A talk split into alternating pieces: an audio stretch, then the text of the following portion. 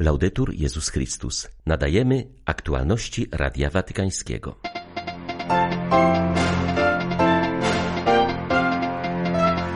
Środa Popielcowa jest w Polsce Dniem Solidarności z Ukrainą.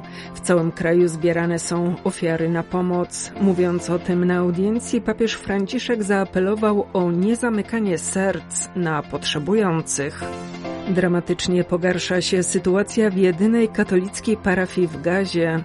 Tamtejsi chrześcijanie proszą świat o wytrwałą modlitwę o pokój i niepozostawianie ich na łaskę losu. Konflikty zbrojne rodzą potężne traumy, co sprawia, że ludzie potrzebują specjalistycznego wsparcia. Kościół na Ukrainie szkoli specjalistów, którzy będą nieść pomoc doświadczonym wojną. 14 lutego wita Państwa Beata Zajączkowska. Zapraszam na serwis informacyjny. Na audiencji środowej Ojciec Święty przypomniał o rozpoczynającym się dziś Wielkim Poście. Zachęcił, by wykorzystać ten czas jako okazję do nawrócenia i wewnętrznej odnowy w słuchaniu Słowa Bożego. Papież wezwał też do większej troski o naszych braci i siostry, którzy potrzebują naszej pomocy oraz intensywnej modlitwy, zwłaszcza w intencji zyskania daru pokoju dla świata. W sposób szczególny Franciszek prosił, by nie zapominać o naszych braciach cierpiących na umęczonej Ukrainie, w Palestynie i Izraelu. Saluto cordialmente Polaki. Serdecznie pozdrawiam Polaków. Polacy dają dziś znać o sobie. Na początku Wielkiego Postu we wszystkich kościołach w waszej ojczyźnie prowadzona jest dziś zbiórka funduszy na pomoc Ukrainie. W obliczu tak wielu wojen nie zamykajmy naszych serc na potrzebujących. Modlitwa, post i jałmużna niech będą drogą budowania pokoju. Serca błogosławię Wam i Waszym rodzinom.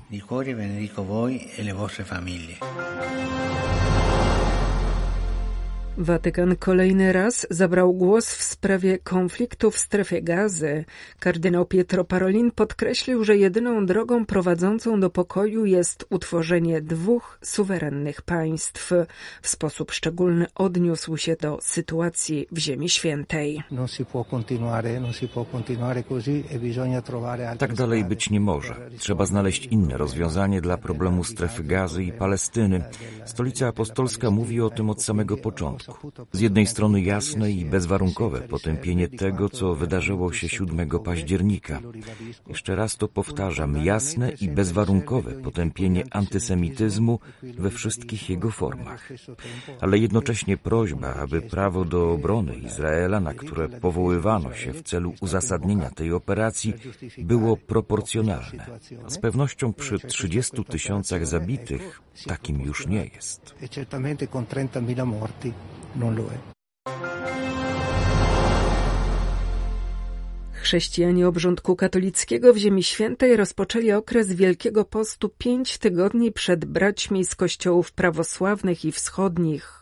W parafiach i we wspólnotach katolickich zostały zorganizowane celebracje z tradycyjnym posypaniem głowy poświęconym popiołem. Ojciec Gabriele Romanelli, proboszcz parafii Świętej Rodziny w Gazie, potwierdził, że nieduża parafia katolicka celebrowała w porannych godzinach mszę świętą, podczas której głowy wiernych zostały posypane popiołem.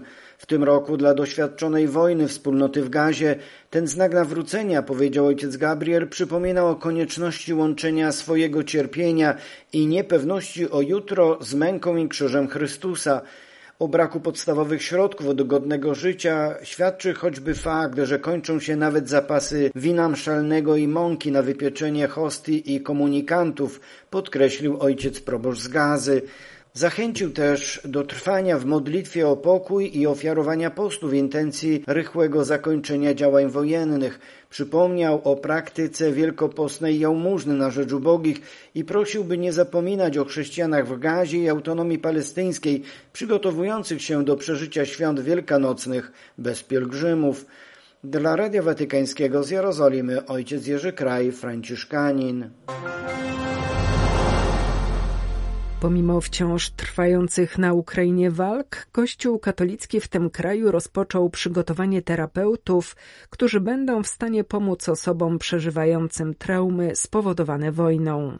W Lwowie i Kijowie gości w tych dniach brytyjski specjalista w tej dziedzinie. Kościół rzymskokatolicki na Ukrainie już od kilku miesięcy organizuje specjalistyczne kursy dla psychologów, terapeutów i duchownych, mające na celu przygotowanie specjalistów, którzy będą w stanie pomagać ludziom ludziom, jacy w wyniku wojny doświadczyli i będą doświadczać różnego rodzaju traum. Dotyczą one ludności cywilnej oraz żołnierzy i ich rodzin, mówi terapeuta i koordynator kursów ksiądz Oleg Salamon. Ja myślę, że ze traumą, głębokim przepracowaniem utraty spotkamy się, kiedy już wojna się zakończy, kiedy wrócą żołnierze, kiedy ludzie zaczną wracać do swoich domów. Jednocześnie ksiądz Salamon dodaje, że w wielu miejscach pomimo wojny trwa już praca z osobami wymagającymi specjalistycznej pomocy. Dziś też my pracujemy i z traumą także. Ludzi, którzy na przykład mają paniczne ataki, nieprzyjęcie tej sytuacji, w której żyją, już potrzebne jest wsparcie. W tych dniach na Ukrainie przebywa brytyjski specjalista od traum wojennych John Hayden, jak i w Lwowie i w Kijowie prowadzi kursy dla duszpasterzy parafialnych, kapelanów wojskowych oraz dla specjalistów zatrudnionych w poradniach psychologicznych i ośrodkach dla uchodźców wewnętrznych. Przygotowywane są także tłumaczenia podręczników, które w niedalekiej przyszłości będą służyły ukraińskim terapeutom w ich pracy z ludźmi. Z Ukrainy dla Radia Watykańskiego ksiądz Mariusz Krawiec, Paulista.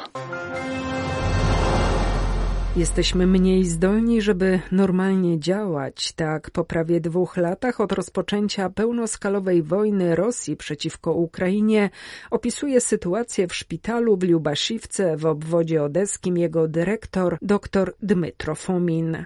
W wywiadzie dla Radia Watykańskiego chirurg zaznacza, iż służba zdrowia boryka się tam z trudnościami, choć nie ustaje w wysiłkach ratowania ludzkiego życia. W przypadku jego placówki chodzi w dużej mierze o brak sprzętu i podstawowych środków.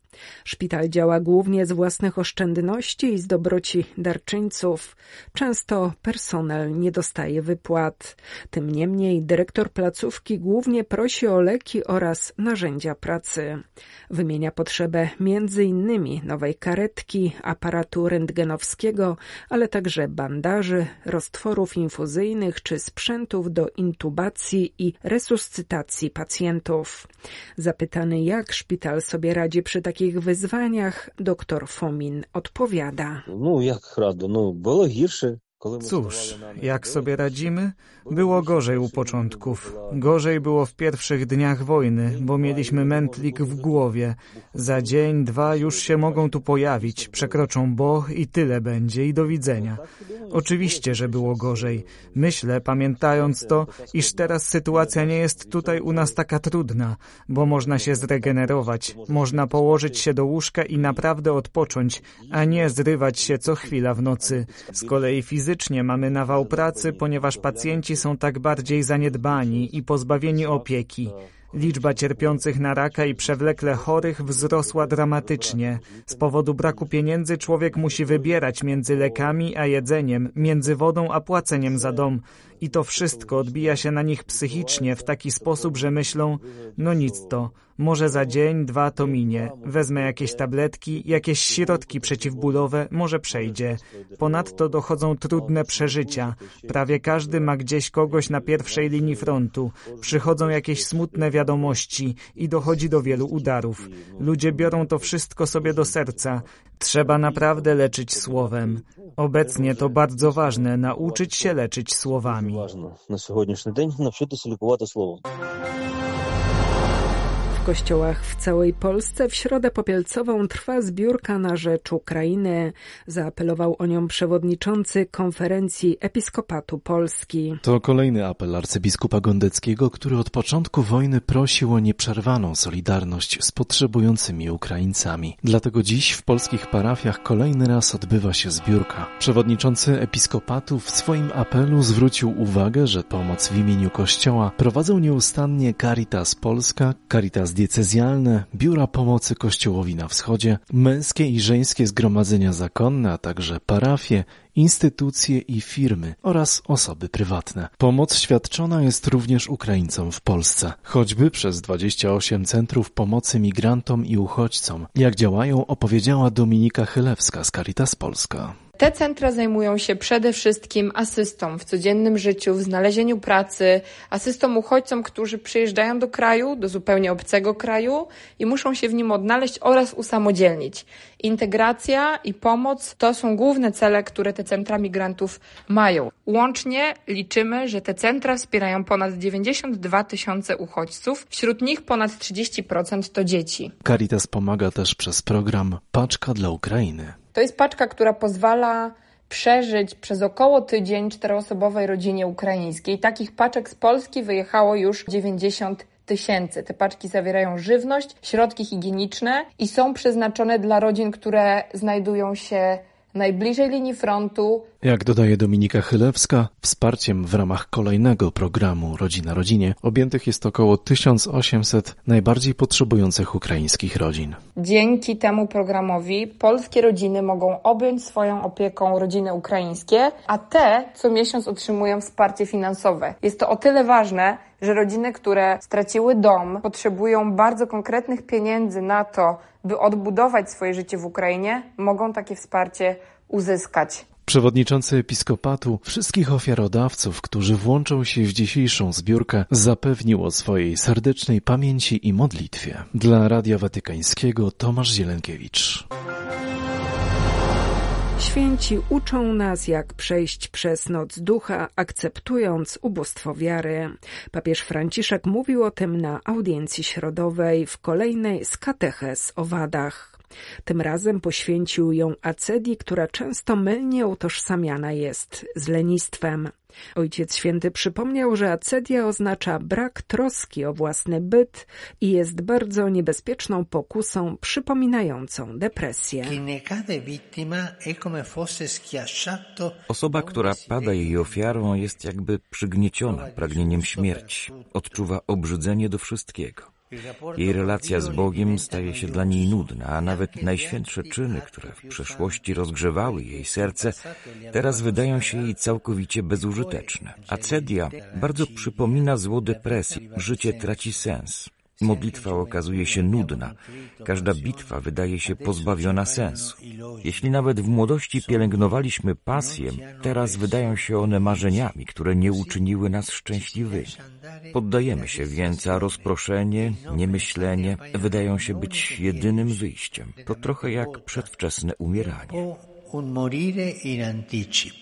Franciszek podkreślił, że mistrzowie duchowości proponują różne środki zaradcze na niebezpieczną wadę acedii. Najważniejsza wydaje się cierpliwość wiary. Mnisi mówią, że dla nich cela jest najlepszym nauczycielem życia, ponieważ jest to miejsce, które konkretnie i codziennie mówi ci o Twojej historii miłości z Panem. Demon Acedi chce zniszczyć właśnie tę prostą radość tu i teraz, ten wdzięczny zachwyt rzeczywistością. Chce sprawić, byś uwierzył, że to wszystko jest na próżno, że nic nie ma sensu, że nie warto przejmować się niczym ani nikim. Acedia to decydująca bitwa, którą trzeba wygrać za wszelką cenę. Jest to bitwa, która nie oszczędziła nawet świętych. Uczą nas oni, jak przejść przez noc w cierpliwości, akceptując ubóstwo wiary. Zalecali, by będąc nękani acedią, zachować mniejszą miarę zaangażowania, wyznaczyć cele łatwiej osiągalne, opierając się na Jezusie, który nigdy nie opuszcza nas w pokusie. Były to aktualności Radia Watykańskiego. Laudetur Jezus Chrystus.